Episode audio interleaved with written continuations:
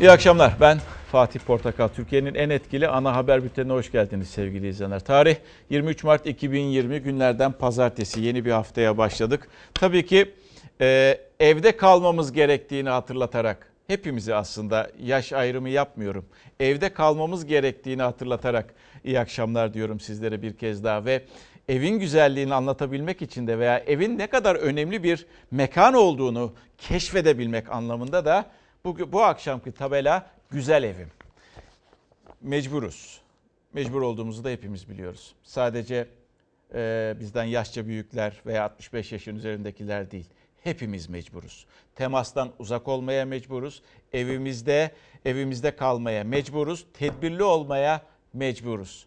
Şimdi birazdan e, Fahrettin Koca Sağlık Bakanı açıklama yapması bekleniyor. Çünkü bilim kurulu toplantısı vardı. Epey bir uzun sürdü. E, Barış'a gideceğiz Ankara'da. Barış Kaya o toplantının henüz e, belki ne konuşulduğu hakkında bilgi verecektir. Ama ben hızla bir dün akşama gidelim. Neler oldu onu bir anlatalım sizlere. Çünkü herkes artık hasta sayısını her gece saat 12'ye doğru hasta sayısını ve hayatını kaybeden var mı? Onu merak ediyor. İşte dün akşam itibariyle, dün akşam itibariyle e, 1236 hasta var. Koronavirüs hastası ve 30 ölüm gerçekleşti. Bu arada Sağlık Bakanı'nın o sosyal medyadan paylaşırken altındaki cümle dikkat çekiciydi. Cümle şu. Bu ülkede, bu ülke bu tehdide yenik düşmeyecek. 9 kişi daha hayatını kaybetti. Koronavirüsten ölenlerin sayısı 30'a yükseldi. Sağlık Bakanı Fahrettin Koca'nın sosyal medyadan yaptığı açıklamaya göre 289 yeni vaka daha tespit edildi. Toplam vaka sayısı 1236'ya çıktı. Yeni hayatlar kaybediyoruz. Vaka sayıları artıyor. Fakat mümkün olduğunca çok sayıda test yaptığımız unutulmamalı. Tedavi altına alınmış her hastayla salgının önünü kesmiş oluyoruz. Bugün 9 yeni vefat, 289 yeni tanı var. Evimizde kalalım. Risk almayalım. Hayat eve sığar. Türkiye'de ilk koronavirüs vakasının görülmesinin üzerinden 13 gün geçti. Vaka sayısı artıyor. Bir yandan da yapılan test sayısının yetersizliği konusunda tartışmalar sürüyor. Sağlık Bakanı bugüne kadar toplam 20.345 adet test yapıldığını açıkladı. Çok düşük. Bir an önce, bir an önce bu test sayısının günde 20 bini aşacak düzeye Soru getirilmesi şu, gerekir. Geç kalındığını da burada vurgulamamız Peki. gerekir. Bugüne kadar eğer daha fazla test yapabilseydik anında müdahale olanaklarımız daha fazla olacak. İsmail Küçükkaya ile Çalar Saat programına konuk olan Profesör Doktor Kayıhan Pala test konusunda geç kalındığına ve çok daha fazla test yapılması gerektiğine dikkat çekti. Uzmanlar her defasında şeffaflık vurgusu yapan Sağlık Bakanlığı'ndan tespit edilen vaka ve ölümlerin yaş ve bölgelerinin de açıklanmasını talep etti. Biz dün Sağlık Bakanlığı'na hem testlerin sayısını yapılan illere göre evet. hem de olguların illere, bölgelere göre sayısını ve yaş dağılımını söylemesini istedik. Tartışmaların gölgesinde Çin'den toplamda 2 milyon adet temin edilecek 15 dakikada koronavirüs tespiti yapılabilen hızlı tanı kitinin ilk partisi ise bu sabaha karşı Türkiye'ye ulaştı. Kitler Bakırköy Sadi Konuk Eğitim ve Araştırma Hastanesi'ne teslim edildi. Gün içinde hastane önünde oluşan kuyruksa dikkat çekti. Bu kalabalığın nedeni Genel İş Sendikası üyelerinin iddiasına göre koronavirüs testi yaptırmak için hastaneye gidenler. Çok sayıda test yapmamız lazım.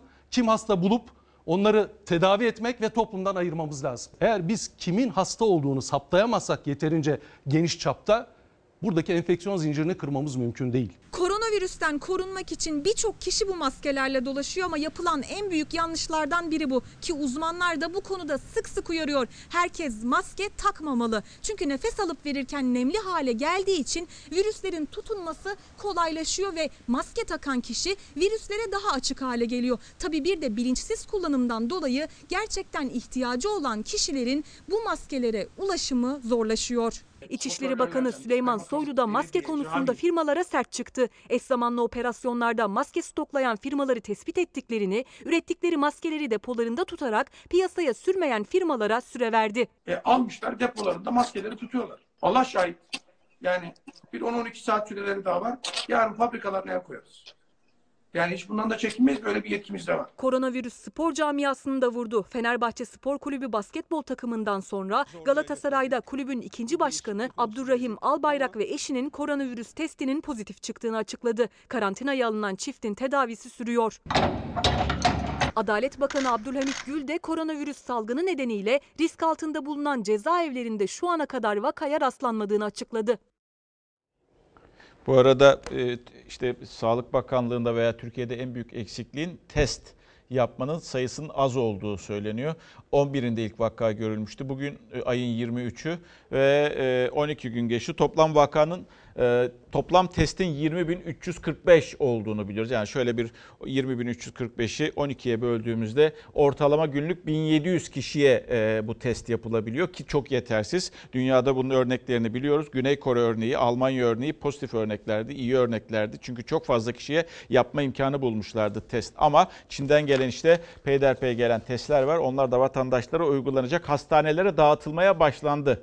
Onu söyleyeyim. Bu bu söz belki acaba e, hani herkes çok merak ediyor. Sokağa çıkma yasağı uygulanır mı uygulanmaz mı diye. Şimdi yenik düşmeyecek dedi ya e, Sağlık Bakanı Barış. Bu ülke e, buna yenik düşmeyecek dedi ve bugün şöyle bir baktığımızda işte bizden yaşça büyükleri 65 yaşın üstündeki yurttaşlara e, sokağa çıkma yasağı demeyeyim ama en azından sınırlama getirildi. Bugün biz bilim kurulundan veya Sağlık Bakanı'nın ağzından e, sokağa çıkma yasağı gibi bir şey duyabilir miyiz? Ne diyorsun? Kulağına geldi mi? Şimdi eğer bunun e, bugün konuşulması demek bilim kurulu üyelerinin bazılarından aslında bu yönde telkinler vardı. Yani böyle tavsiye kararlarının gelebileceğini biliyoruz. Çünkü ilerleyen süreçte daha da bu hastalığın bu vakaların önüne geçmek için daha keskin tedbirler alınması için sokağa çıkma yasağı da konuşuluyor. Ama bugün bununla ilgili bilim kurulu bir e, tavsiye niteliğinde hükümete bir tavsiyede bulunursa e, bunu tabii Cumhurbaşkanı değerlendirecek. E, kabine üyeleri değerlendirecek Evet, ve yani bugün bugün e, Sağlık Bakanı sokağa çıkma yasağı kararı aldık demeyecek ama e, kesinlikle konuşuluyor masada. E, Süleyman Soylu'ya da soruldu İçişleri Bakanı'na da e, süreci takip ediyoruz dedi ama bugüne kadar da alınan kararlarla ilgili de iyi bir noktada olunduğunu ifade etti. Tam ifadesi de şu şu ana kadar da bu hedefleri tutturduğumuzu düşünüyoruz dedi. Yani Ne- 65 yaş üstü ve kronik rahatsızlığı olanlarla ilgili alınan kararlar ve diğer işte okulların tatil Ama edilmesiyle ilgili Barış, kararlar ama Barış- hedefi tutturduk diyor. Ama Barış şimdi bir taraftan bilim kurulu üyelerinin kimilerinin sözleri var. Kritik bir haftaya giriyoruz diye. Diğer taraftan teması kesin diyorlar. Birlikte bulunmayın diyorlar. Ama diğer taraftan da hede- hedefleri tutturduk diyor e, İçişleri Bakanı. Bu biraz tezat teşkil etmiyor mu? Ee, tabii şimdi İçişleri Bakanı e, bir uyarı da yapmak istiyor anladığımız kadarıyla. Çünkü sözlerin arasında şu cümlede var. Ee, diyor ki dinamik bir süreç, süreci takip ediyoruz. Aslında bu bir sokağa çıkma yasağını uygulamayacağız değil. Önümüzdeki süreç belirleyecek diyor. E, çünkü bugüne kadar pek çok e, karar alındı, uygulanmaya sokuldu. Kimisi hemen uygulandı ve hemen karşılık buldu ama bazıları da işte e, sokağa çıkma yasağıyla ilgili Evet. ve bu kısıtlamayla ilgili e, bazı illerde bunlar tam olarak yerine getirilmedi. Evet. Zaten bilim kurulu üyeleri bunun e, e, bunun vermiş olduğu işarete bakıyorlar. Diyorlar ki bu temas, bu teması kesmezsek önümüzdeki süreç e, bu eğriyi aşağı indirmeyecek, daha Yukarı da çıkar. artıracak. Onun için bunun için önemli bir karar Evet, almamız peki. lazım. E, Peki. belki de sokağa çıkma yasağıyla alakalı önümüzdeki birkaç gün önemli. Çünkü kritik bir sürece girdiğimizi bilim adamları da söylüyor. Söylüyor, 13. peki. gün, e, 14 gün e, 14 gün zaten e, bunun kuluçka dönemi. Doğru. E, belki de yoğun bakımlarda eğer vaka sayısı artarsa yoğun bakımlarda yer bulamayacaksın. Peki. Barış Kaya çok teşekkür ediyoruz. Sağ olasın. Birazdan bakan da açıklama yapacak. Siz de oradasınız. Biz de burada merakla ne diyeceğini merak ediyoruz. Aslında katı olmak gerekmiyor mu diye sormam gerekiyor size. Bakın bir İtalya örneği var. Bir İspanya örneği var. Bir bir e, bir e, Fransa örneği var ve oralara baktığımızda ister istemez şu anda insanların neler yaşadığını görüyoruz ve bir bilim kurulu üyesi çıkıp da kritik haftaya giriliyor deniyorsa bunu daha bir katı olarak uygulanması gerekmiyor mu bu ülkede? Ben gerektiğini düşünenlerdenim. Yani evet eve hapsolmaksa, insanlarla teması kesmekse, insanlarla konuşmamak veya dokunmamaksa veyahut kritik haftaya giriliyor cümlesi duyuluyorsa bunun uygulanması gerektiğini düşünenlerdenim. Bu beladan kurtulabilmek için yani bu beladan kurtulmak için eğer e, kurallardan bir tanesi buysa o zaman bu katı kuralın da uygulanması gerekiyor. Bu antidemokratik falan değil sadece birey sağlığı, toplum sağlığı açısından belki bunun uygulanması gerekiyor. Hükümet bunun artısını eksisini belki hesap ediyor onu bilemeyiz tabii ki. Şimdi tedbire geleceğiz. Tedbire geleceğiz. Tabii tedbirlerde e, peyderpey açıklanıyor. Şimdi kamuda esnek çalışma başladı. Yani e, dönüşümlü çalışma veya e, evden çalışma gibi e, kurallar getirilmeye başlandı kamuda ve özel bankalar, özel bankalar da kamu bankaları değil, özel bankalarla özel bankalarda 12 ile 5 arası, öğlen 5 arası çalışacaklar. Ha, kamu bankaları da kredilerde, kredi kartlarında kullanılan kredilerde ödeme kolaylığı getiriyorlar, erteleme sağlıyorlar müşterilerine.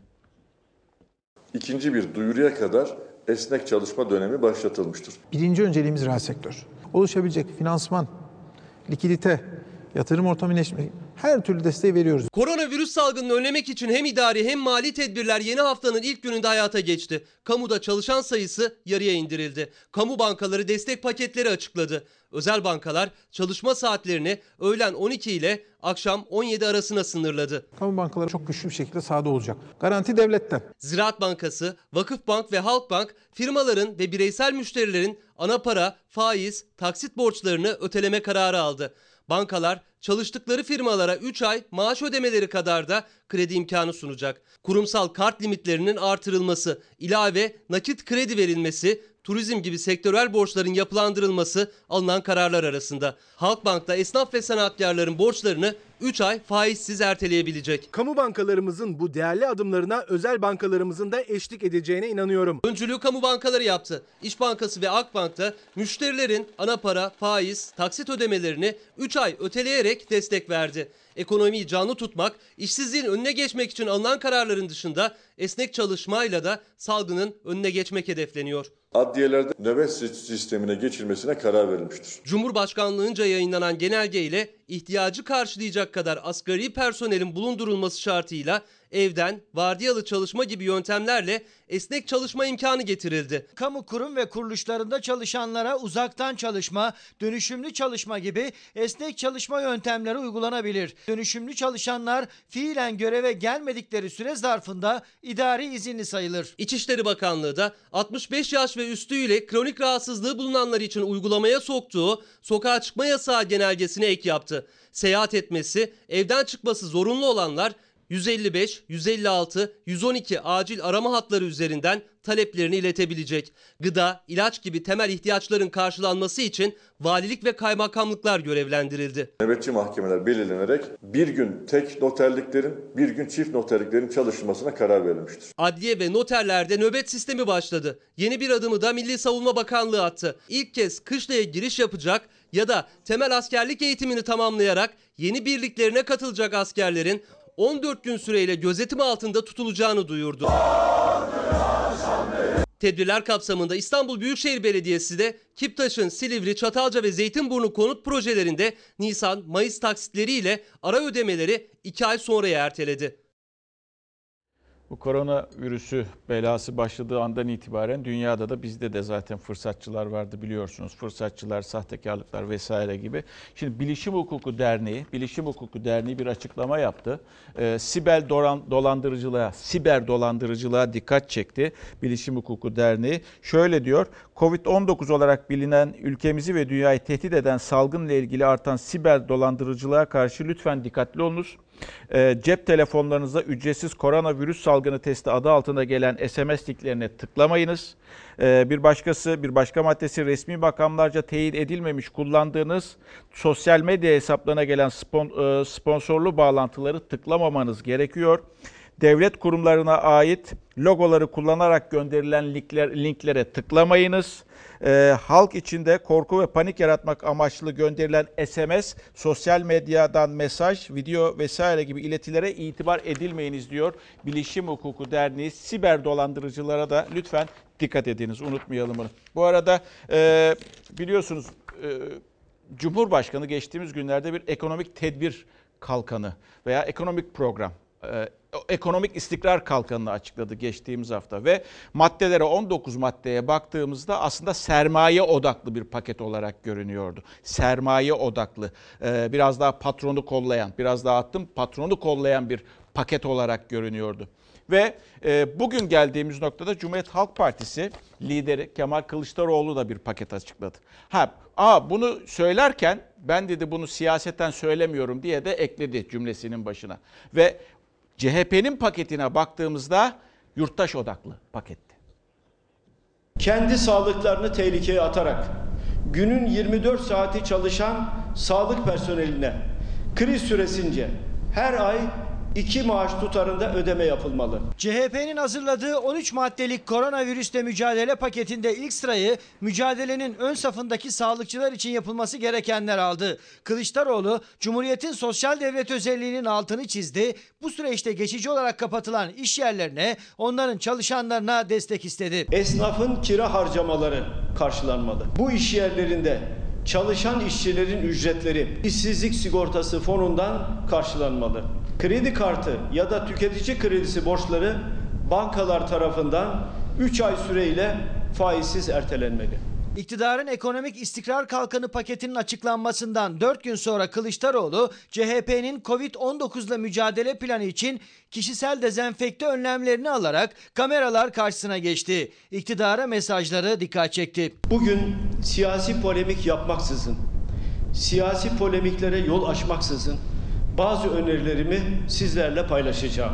Bu salgın bizlere tüm ön yargılarımızdan arınmamız gerektiğini göstermiştir. 11 yıldır toplanmayan Ekonomik ve Sosyal Konsey'in ivedilikle toplanmasını istedi Kılıçdaroğlu. Zor durumdaki KOBİ'ler için sicil affı getirilsin dedi. Türkiye Büyük Millet Meclisi'nden süratle bir sicil affı yasası çıkarılmalı. Çiftçilerin borçları yeniden yapılandırılarak bir yıl süreyle faizsiz ertelenmeli. Süratle bir aile yardımları sigortası yasası çıkarılmalı. Her yoksul aileye asgari 2000 liralık gelir güvencesi sağlanmalı. KHK'larla işlerine son verilen sağlık personelinin haklarında kesin bir hüküm yoksa görevlerine iadesini öneriyor CHP. Askeri hastanelerin süratle yeniden açılması da var öneri paketinde. Borçlu konutların elektriği, suyu ve veya doğalgazı kesilmemeli ve faiz işletilmemeli. Kılıçdaroğlu'nun hazine garantili projeler için dile getirdiği teklif dikkat çekti. Yol, tünel, köprü, şehir hastaneleri ve hava alanlarının müteahhitlerine bütçeden yapılan hazine garantili ödemeler bir yıl süreyle ertelenmeli ve garantiler Türk lirasına çevrilmeli. CHP Genel Merkezi'ndeki yoğun korona tedbirleri arasında basın toplantısını gerçekleştirdi Kılıçdaroğlu. Bu arada Cumhurbaşkanı Erdoğan'ın kız kardeşinin vefatı nedeniyle Kılıçdaroğlu'nu arayarak başsağlığı dilediği öğrenildi. Arayan, mesaj gönderen herkese şükranlarımı sunuyorum.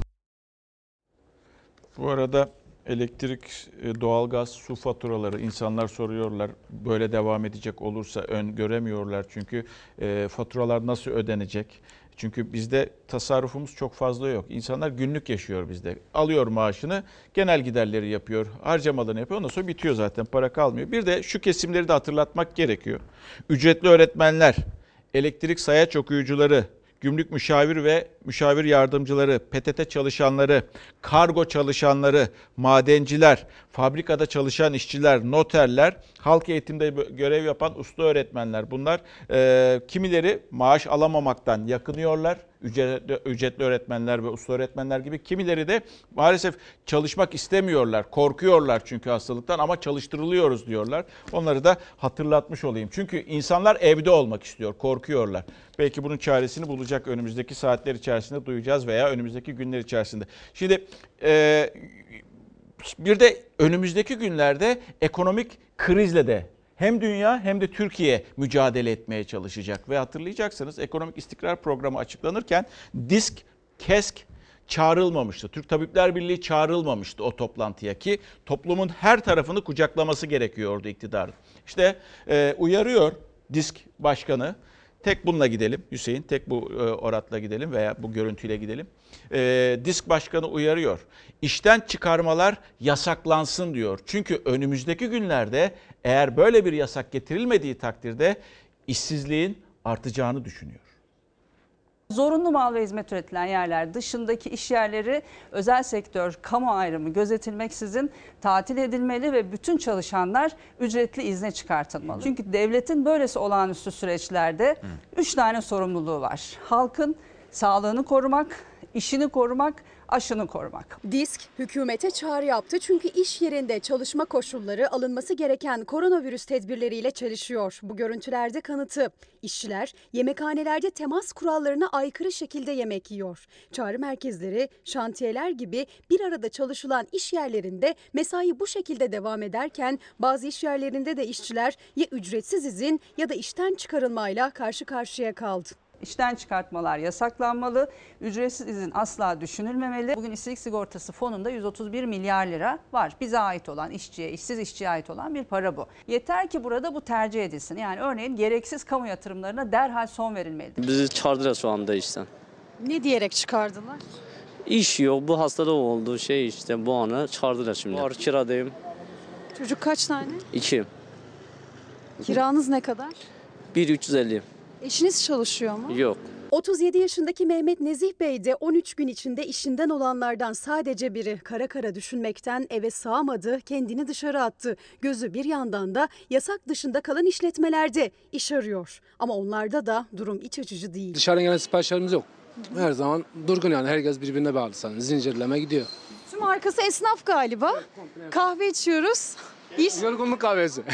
Yorgunluk kahvesi. Kapattılar şimdi. Yorgunluk kahvesi içiyorlar. Biz mecburen burayı açmak mecburiyetindeyiz. Üç taksit borcum var. Ben bunları nasıl ödeyeceğim diye vallahi kabusum oldu. Uykularım kaçıyor. Sade sigortasını yatırmakla şeyiz. Yani 3-5 kuruş açlık verdik ama yövmiyesini veya maaşını tam anlamıyla veremiyoruz yani. Daha önce 8 çalışanın olduğu bu restoranda 2 çalışan kaldı. Şimdi işveren Fayat Bey masaya oturdu. Hesap kitap yapıyor. Diğer işçileri ücretsiz izne çıkarmak zorunda kaldı. Diğer çalışanların maaşını ise nasıl ödeyeceğini kara kara düşünüyor. Şimdi önünde bir seçenek var. Kısa çalışma ödeneği ancak onun da şartları var. İşveren işçiler adına başvuruyor kısa çalışma ödeneğine ama işçinin bu ödenekten yararlanabilmesi de yine işsizlik maaşı alabilmesi kadar zor. İşçinin ödeme alabilmesi için iş yeri faaliyetinin durduğu tarihten önceki son 120 gün hizmet akdine sahip olması, son 3 yıl içinde en az 600 gün prim ödemiş olması şartı var.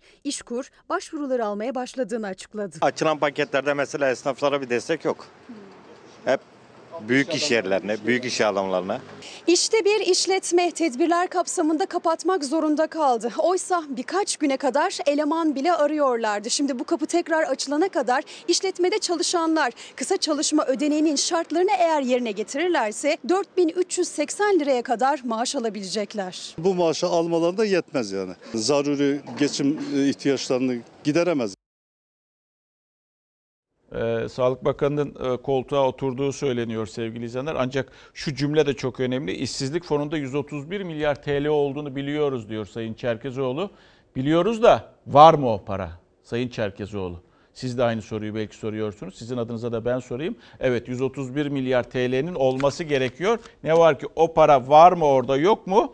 Ondan çok emin değiliz. O paraların nereye harcandığını, geçmişte nerelere gittiğini Mehmet Şimşek örneğinden alıp daha sonra sermayeye nasıl verildiğini veya kullanılması için, darboğazı açması için nasıl verildiğini biliyoruz ki işsizlik fonunda kullanılması gerekiyordu. Bir Ankara'yı görebilir miyiz? Ankara'da çünkü bilim kurulu toplantısı son buldu. Sağlık Bakanı şu anda arkamda e, her zamanki gibi Sağlık Bakanlığı'nda e, bilim kurulunun almış olduğu son kararları bizlerle paylaşacak. Sürpriz kararlar çıkar mı bilmiyorum ama dikkatle dinliyoruz, dikkatle dinleyeceğiz. Çünkü vereceği mesajlar bizi ilgilendiriyor. Sağlık Bakanı Fahrettin Koca konuşuyor. Yakından biliyorum. Bakanlığım adına, bilim kurulumuz adına koronavirüse karşı verdiğimiz mücadelenin profesörleri olan sağlık çalışanlarımız adına sizlere teşekkür ediyorum. Toplum titiz haberciliği takdir ediyor. Sizi gönülden kutluyorum. Kıymetli arkadaşlarım, koronavirüsün dünyada ortaya çıkışının üzerinden yaklaşık 104 gün geçti. Ülkemizde ilk vaka 14 Mart, 10 Mart'ta görüldü. Süreci yakından izliyorsunuz. Dün akşam saatlerinde bugüne dek tespit edilen vaka sayısını açıkladım. Son 24 saatin bilgilerini verdim. Şüphelilerin takibinde testlerin hızla yapılmasında tanı konan hastaların izole edilip tedavi altına alınmasına çok titiz davranıyoruz. Buna ilk hastamızın temas çevresinden başlamıştık. Sonraki hastalarımızda bu prensibi katı bir şekilde uyguladık. Mücadelede çok ciddi bir deneyim kazandık. Sonuçları daha hızlı öngörüyoruz. Olayları takip etmek yerine artık olasılıklara bakarak ön kesmeye çalışıyoruz. Dün itibariyle toplam test sayısı 20.345'ti. Yine dün itibariyle tanı sayısı 1236 olmuştu. Kaybettiğimiz hasta sayısı ise 30.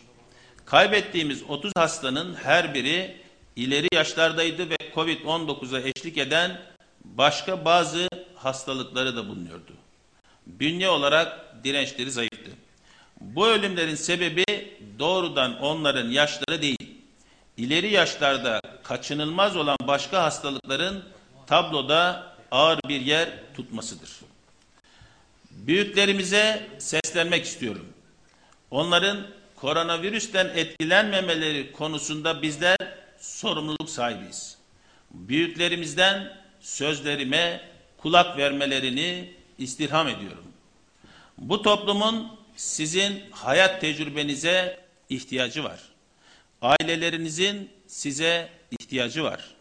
Hayat yolculuğunda evlatlarınızın vereceğiniz tavsiyelere ihtiyacı var. Torunlarınızın sevgi ve ilginize ihtiyacı var. Bunları hastayken yapamazsınız. Yapmak isteyip daha yapamadığınız kaç şey olduğunu düşünün. Onları ağır bir hastalığa yakalanmışken yapamazsınız. Sizin öğütlerinize ihtiyacımız var. Ama siz de bu seferliğe mahsus bu öğüdü kabul edin. Önünüzdeki zamanı riske atmayın. Tedbirleri uygulaması en kolay kişiler sizlersiniz. Bugünlerde size karşı hassasiyeti yüksek olan yalnız kendi evlatlarınız değil. Bu hassasiyeti bütün toplum paylaşıyor. Dünyayı etkileyen bu salgında mümkün olduğu kadar az kayıp vermek istiyoruz. Bu durumu birlikte atlatmak istiyoruz. Tedbir alıyoruz. Evden çıkmanız bir süreliğine kısıtlandırıldı. Bu kurala uyun. Değerli medya mensupları, koronavirüse karşı verdiğimiz mücadelenin dünyadaki benzerlerinden baştan beri çok farklı olduğunu önceden de söylemiştim. Şimdilerde ortaya çıkan ve gurur duyacağımız bir gerçek daha var. Koronavirüse karşı ortaya koyduğumuz dayanışmanın dünyada neredeyse örneği yok. Devlet sorumluluk paylaşımı önermeden toplum birçok gereği kendiliğinden yerine getiriyor. STK'lar sorumluluk alıyor. Kültür dünyası, iş dünyası, bilim insanları bu mücadelenin aktörleri haline geliyor. Medyamız bilgiyi doğru kanallardan alma ve aktarma konusunda çok dikkatli. Felaket tellallığı yapan kimilerine de yine toplum olarak prim vermiyoruz. Zamanımızı mümkün olduğu kadar evde geçirme çağrımız giderek karşılık buluyor. Mücadelemiz endişe baskısından, karartılı havadan çıkıyor, canlılık ve enerji kazanıyor. Korkuya teslim olmuş bekleyişin yanlış olduğu yavaş yavaş görülüyor. Gücümüzü hayata bağlılıktan alacağımız anlaşılıyor. Bu böyledir. Hayatı korumanın yolu korkuya teslim olmak değil, hayata bağlılıktır. Kadınlar tedbirler konusunda adeta ikna kahramanlarımız. Çocuklarımızsa bu mücadelede büyüklerine ve çevrelerine karşı tüm kozlarını kullanıyor. Sağlık ve bu dönemde sağlık personelinin ek ödemelerini iyileştirme çabası içindeyiz. Bir diğer haberimse insan kaynağımızın yeterliliği konusunda neredeyse bir güvence değerinde kadromuza 32 bin personel dahil ediyoruz. Sağlık çalışanlarımızla ilgili bu hassasiyetlerde en üst düzey dikkat sahibinin Sayın Cumhurbaşkanımız olduğunu özenle belirtmek istiyorum. Kendisine ve Maliye Bakanımıza bu süreçte gösterdiği hassasiyetten ötürü teşekkürlerimi arz ediyorum.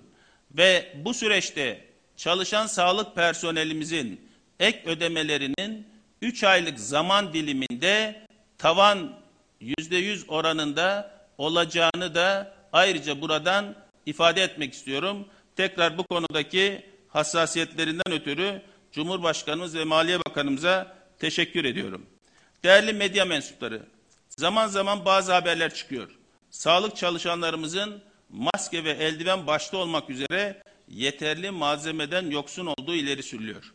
Bu iddia küçük örneklerin kasıtlı olarak genelleştirmesidir. Kesin bilgi şudur. Üniversite hastanelerimize, tüm hastanelerimize bütün malzeme sağlanmaktadır ve sağlanmaya devam edilecektir. Konu açılmışken özenle belirtmek istiyorum. Yoğun talebi küçük çıkarlar uğruna suistimal eden bazı malzeme üreticilerine gerekli katı yaptırımlar uygulanmıştır ve uygulanmaya devam edilecektir. İhracatları bu dönemde durdurulmuştur. Türkiye'de üretilen maskeler Türkiye'nin ihtiyacı varken yurt dışına satılmayacaktır.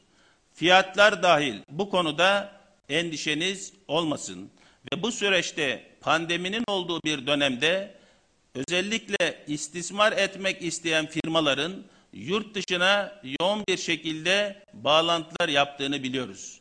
Ve bu çerçevede hem MASAK bu dönemde devrede oldu, hem İçişleri Bakanlığımız KOM devrede olmuş oldu. Önceki gün bu anlamda üreticilerin ve satıcıların depolarına baskınlar yapıldı. Ve bu baskınlar neden sonrası yoğun bir şekilde depoladıkları görüldü. Biz bu dönemde özellikle bakanlık olarak olması gereken ücretle almak istediğimizi ifade ettiğimiz halde bunun yapılmadığını gördük. Ve bugün itibariyle bu firmaları teker teker çağırarak ve hepsiyle bu dönemde günlük ne kadar üretim yapabileceklerini de ortaya çıkarıp sözleşme yapmaya başladık. Şu ana kadar 20 tane firmayla anlaşma yapıldı. Anlaşma yapmayanların farklı davranmak isteyenlerin de el koyma dahil bir takım tedbirlerin devrede olacağını buradan ayrıca söylemek istiyorum. Bu konuyla ilgili Sayın İçişleri Bakanlığımızın da hassasiyeti ve e, yaklaşımı nedeniyle de ayrıca teşekkür ediyorum. MASAK ayrıca bu dönemde bu istismar etmek isteyenlerle ilgili devrede olduğunu da ifade etmek istiyorum. Değerli arkadaşlar, size ve bütün topluma tanı tedavi süreçleri ve önümüzdeki dönem konusunda önemli bazı haberlerim var. Salgının yayıldığı ülkelerde en fazla eksikliği hissedilen cihazlardan biri solunum cihazlarıydı. Yerli cihazın seri üretimine başlıyoruz. Bu sayede hem kendi ihtiyacımızı hem de kaynaklarımızla karşılamış olacağız. Hem de ihtiyacı olan diğer ülkelere destek vereceğiz. Ve hızlı tarama kitini de bildiğiniz gibi devreye sokmuştuk. Bugün itibariyle ilave olarak Çin'den 50 bin hızlı tarama kiti sabah geldi ve hızla devreye girmiş oldu.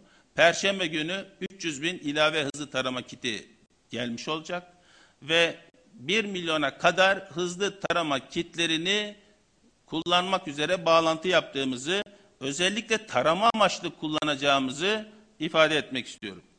Bunun dışında bu süreçte koronavirüse karşı aşı geliştirme çalışmalarında da kurum ve kuruluşlara bakanlık olarak destek ver, veriyoruz. Ve bu anlamda 6 üniversite ve bir merkeze ça e, çağrı yapıldı ve önümüzdeki günlerde bu üniversite ve merkezlerin ihtiyaçlarına göre hiç bu anlamda herhangi bir kısıtlamaya gitmeden hepsinin önünü açacak şekilde bir e, destek sağlayacağımızı ve bu konuda Maliye Bakanlığımızın da asla herhangi bir e, soruna yol açmadan bunun karşılanabileceğini ifade ettiklerinde buradan ayrıca teşekkür etmek istiyorum. Yani aşı enstitüsü biliyorsunuz kuruldu. Bu enstitü bu süreçte ülkemizde hangi üniversite veya hangi merkez neyi ne kadar yapabilecekse bütün merkezlerin desteklenmesi ve bu desteklenmeyle kim ne kadar bu işi daha önde götürebilir durumda ol- olursa geri plandaki desteğin miktarına bakmaksızın sonuna kadar üzerine gidebileceğimizi ayrıca ifade etmek istiyorum. Değerli arkadaşlar, koronavirüsle mücadele çok geniş katılımlı gerektiren bir mücadele. Sadece bakanlığımızın işbirliği içinde olduğumuz bakanlıkların devlet organizasyonunun verdiği bir mücadele değildir ve öyle olmamalıdır. Bu sorumluluk duygusunun tüm bir- birimlerde enerjiye dönüşeceği bir mücadeledir ve böyle olmalıdır. Biz belirttiğim yaklaşımla Türkiye'nin insan kaynağından daha da fazla yararlanacağız. Her türlü bilimsel disiplini devreye sokacağız. Dezenformasyona karşı da çok dikkatli olacağız. Yek vücut olmuş toplumun enerjisini hedef alan yıkıcı davranışların önünü hep birlikte keseceğiz. Değerli arkadaşlar, Türkiye tedbirleri başta bizim aldığımız sıklıkla ciddiyetle almamış bazı ülkelerle kıyaslanıyor. Bu kıyaslamanın pek rasyonel olmadığını belirtmek zorundayım. Türkiye onu çevreleyen risklere set çekerek büyük zaman kazandı. Türkiye sağduyulu bir politika izledi. Sosyal psikolojiyi ise titizlikle dikkate aldı. Paniğe yol açarak hastalığın yayılmasına neden olacak strateji ve uygulamalardan uzak durdu. Risk alanını daralttı. Tedbirleri hakim kılarsak biz başka bir ülke olmayacağız. Yakın ya da uzak başka bir ülkeye benzemeden bu zor günleri aşma fırsatımız var. Biz mücadeleye hem aklını hem yüreğini koyan insanlarız. Biz insanın yüce değerine inanan bir toplumuz. Bizim için can sadece onu taşıyan insan değil, diğer tüm fertler için kutsaldır. Biz felaket senaryolarının kolayca alt üst edebileceği bir toplum değiliz. Hiç olmadık. Biz riskler karşısında maceracı bireyler değiliz. Biz bir günün, iki haftanın değil, günün sonunun ve tüm hayatın hesabını yaparız. Şimdi günün değil, hayatın hesabını yapmanın zamanıdır. Tedbir zamanıdır. Evde zaman geçirme çok daha mutlu bir geleceğe hazırlanma zamanıdır. Şimdi şu sözlerime büyük bir dikkat gösterileceğini umuyorum. Tedbirleri bizler tek tek uyguluyoruz. Mümkün olduğunca az temas kuruyoruz. Hayatlarımız birbirinden ayrışıyor. Fakat farkında mıyız? Bu tek tek şahıs şahıs yaptıklarımızı bütün Türkiye olarak yapıyoruz. Tek tek yaptıklarımızı 83 milyon birlikte yapıyoruz. Mücadelenin özü bu. Tek tek hep birlikte. Yalnız değiliz, hep birlikteyiz. Hepinize teşekkür ediyorum.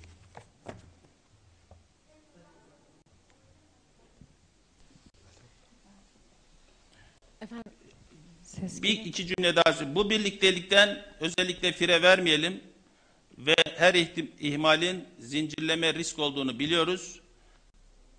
Özellikle dün başlattığımız en güvenilir çözümün evde kalmak olduğunu unutmayalım.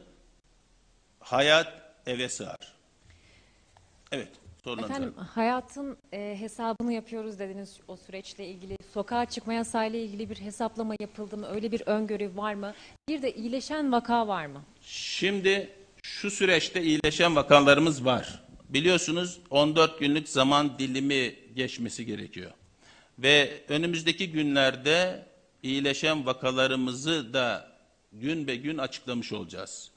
Bu süreçte iyileşen ve iyileşmekte olan hastalarımızın hatta fazla olduğunu özellikle belirtmek istiyorum.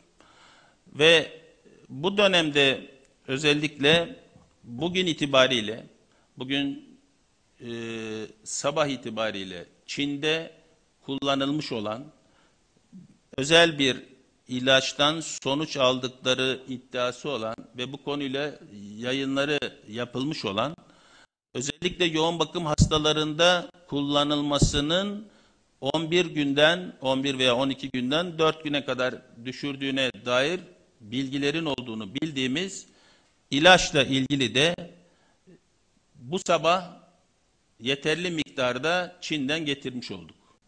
Ve fabrikaya devlet el koymasına rağmen şu dönemde Çin'den getirebilir olduk. Bugün Büyükelçi, Çin Büyükelçiliği ile de görüştüm. Ee, Bundan sonraki süreçte de bu ihtiyacımızı karşılama noktasında bir e, gayret içinde olacaklar. Artı Çin hükümeti, devleti e, ile birlikte şu süreçte e, bu mücadeleyi nasıl verdiklerini bilgi akışı anlamında bilim kurulumuzla da birlikte Çin'den bilim insanlarının Zoom veya Skype üzerinden e, bilgi akışını sağlamak üzere de önümüzdeki günlerde bunu yapmak üzere de bir e, prensipte anlaşmış olduk.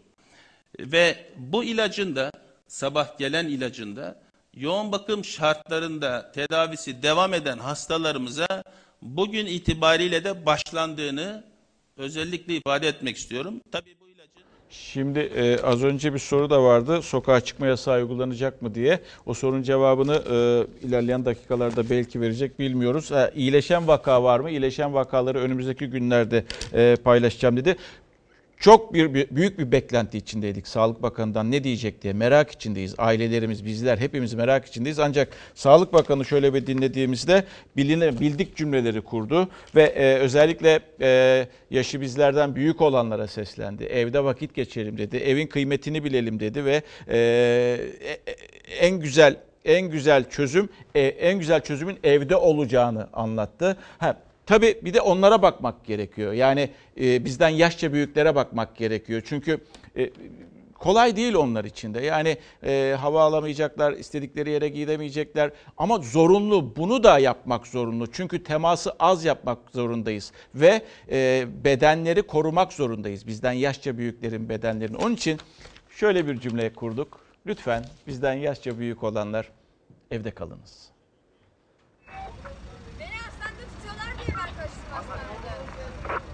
Koronavirüs şüphelisi hastaneden kaçtı. Polis bir metreden daha yakınına yaklaşmadı. Dakikalarca sağlık görevlilerinin gelmesi beklendi. Sonra da kadının durduğu nokta dezenfekte edildi. Ankara'da da yaşandı benzer durum. 36 yaşındaki hasta hastaneden gizlice ayrılarak evine gitti. Adresi tespit edildi ve polis eşliğinde yine hastaneye kaldırıldı. Endişe günden güne büyüyor. Sokaklarsa kalabalık. Bayağı kalabalık tabii bu 65 olanlardan yok pek. Gençler var yani 65'ten aşağıdakiler var. Sen kaç yaşındasın? Ben 83 yaşındayım. Şimdi 65 yaş üzeri salgın nedeniyle dışarı çıkması yasak. Kulaklarım duymuyor tam. 65 yaş üzeri dışarı çıkması yasak salgın nedeniyle. Ya onu biliyorum ama mecburum. Para da lazım. Artık çıkmayacaksın dışarı. Ne demek çıkmayacağım? Dükkanı açan esnaf, işe gitmek zorunda olan çalışanlar ve bir de maaşlarını çekmek için emekliler dışarıdaydı. Evlere hapis olduk. Bugün çıktınız. Maaş için mecbur çıktık. Ne için geldiniz acaba? Maaş için. Emekli maaşı için. Evet. Kaç yaşındasınız efendim? 70. Babanız kaç yaşında? 76 yaşında o çıkmadı. Onun yanında ben çıktım. Emekli maaşını almaya geldiniz ama bir uygulama var galiba. Ya uygulama derken tek tek alıyorlar içeri. Şimdi bir amcamız çıkıyor, bir diğer amca tane giriyor. alıyor. Tek Evet. tek değil mi? Tek tek alıyorlar. 65 yaş üstündekiler polis nezaretinde emekli maaşlarını almak için evlerinden çıktı ve yine polis nezaretinde evlerine götürülüyorlar. 65 yaşına girmişsin sen. Evet seni biz evine götürelim tamam mı? Hadi almışsın. Promosyon veriyorlar ya. Onun için bu- şimdi buradan o, e, iptal ettireceğim. Ondan sonra bir bankaya gideceğim. Ona kayıt yaptıracağım. Emeklilik promosyonunu halledecek. Onun için geldim. Yaşınız kaçtı sınırda mı? 65. Aa, sınırdasınız. Aslında çıkmamanız gerekiyor. Öyle ama ne yapacaksın? Başka türlü yapamıyorsun. Tüm Türkiye'den banka önlerinden emekli kuyrukları yansıdı kameralara. Hem polis hem belediye hem de eline mikrofon alan vatandaş tarafından defalarca uyarılar yapıldı. Evde kalalım. Mehmet amca! 65 yaşında değil misin sen? Niye çıktın amca ya? Bir metrelik bir mesafe. Amcam biraz daha şöyle bak. Biraz daha, biraz daha şöyle mesafenizi koruyun. Sizin sağlığınız için bunlar. Reklam panolarında artık koronavirüsle ilgili uyarılar, iş yerlerinde de tedbirler var. Hemen arkamdaki banka müşterilerini tek tek içeri alıyor. Hasta olmak istemeyenler de kapı önündeki kuyrukta aralarındaki mesafeyi kendilerince ayarlamaya çalışıyor. Kendi kendimize ayarladık. İzlediğimiz ve dinlediğimiz kadarıyla yeterli mi onu da bilmiyoruz. Yaşlı bir hanımefendi 75 yaşına çıkamıyor. Onun parasını havale edeceğim. Acil birine lazımmış. Onun için geldim fakat 12'de sıcak dediler. 1.5'e atmışlar. 65 yaşın üstündekilerin ihtiyaçlarını karşılamak için yardımseverler, polis ve belediyeler de görevde. 3 tane tam buğday, 1 kilo patlıcan, yarım kilo charleston bez, Bazı ihtiyaçlarsa zorluyor polisi. Muğla'da olduğu gibi. 69 yaşındaki Kıbrıs gazisi Süleyman Taşkesin'in market listesini eksiksiz götürebilmek için market market gezdi emniyet ekipleri. Süleyman amca şimdi yeşil çay yok. Kalem pil demişsiniz dörtlü bu ince mi kalın mı? Mersin'de de sokağa çıkan 65 yaş üstündekiler karakola götürüldü ve 20 kişiye para cezası kesildi. Az önce demiştim sorulan soru içerisinde e, sokağa çıkma yasağı uygulanacak mı diye Fahrettin Koca'nın açıklaması şu şekilde. Herkes kendi o halini ilan edebilir. Devletin etmesi gerekmiyor. Yani vatandaşa aslında sorumluluk veriyor. Bu da bir yöntem. Bu da uygulanabilir. İnisiyatifi vatandaşa veriyor. Belki bunun bir e, ön izlemesini yapacaklar ama şu an için bir sokağa çıkma yasağı yok. Herkes kendi o halini ilan etmeli diyor Sağlık Bakanı Fahrettin Koca. Reklam. Kapatıyoruz sevgili izleyenler. Bizden hemen sonra Yasak Elma dizisi ekranlara gelecek yeni bölümüyle izleyebilirsiniz. Yarın daha mutlu, daha huzurlu, daha güvenli bir dünya ve tabii ki Türkiye'de buluşmak umuduyla. Hoşçakalın.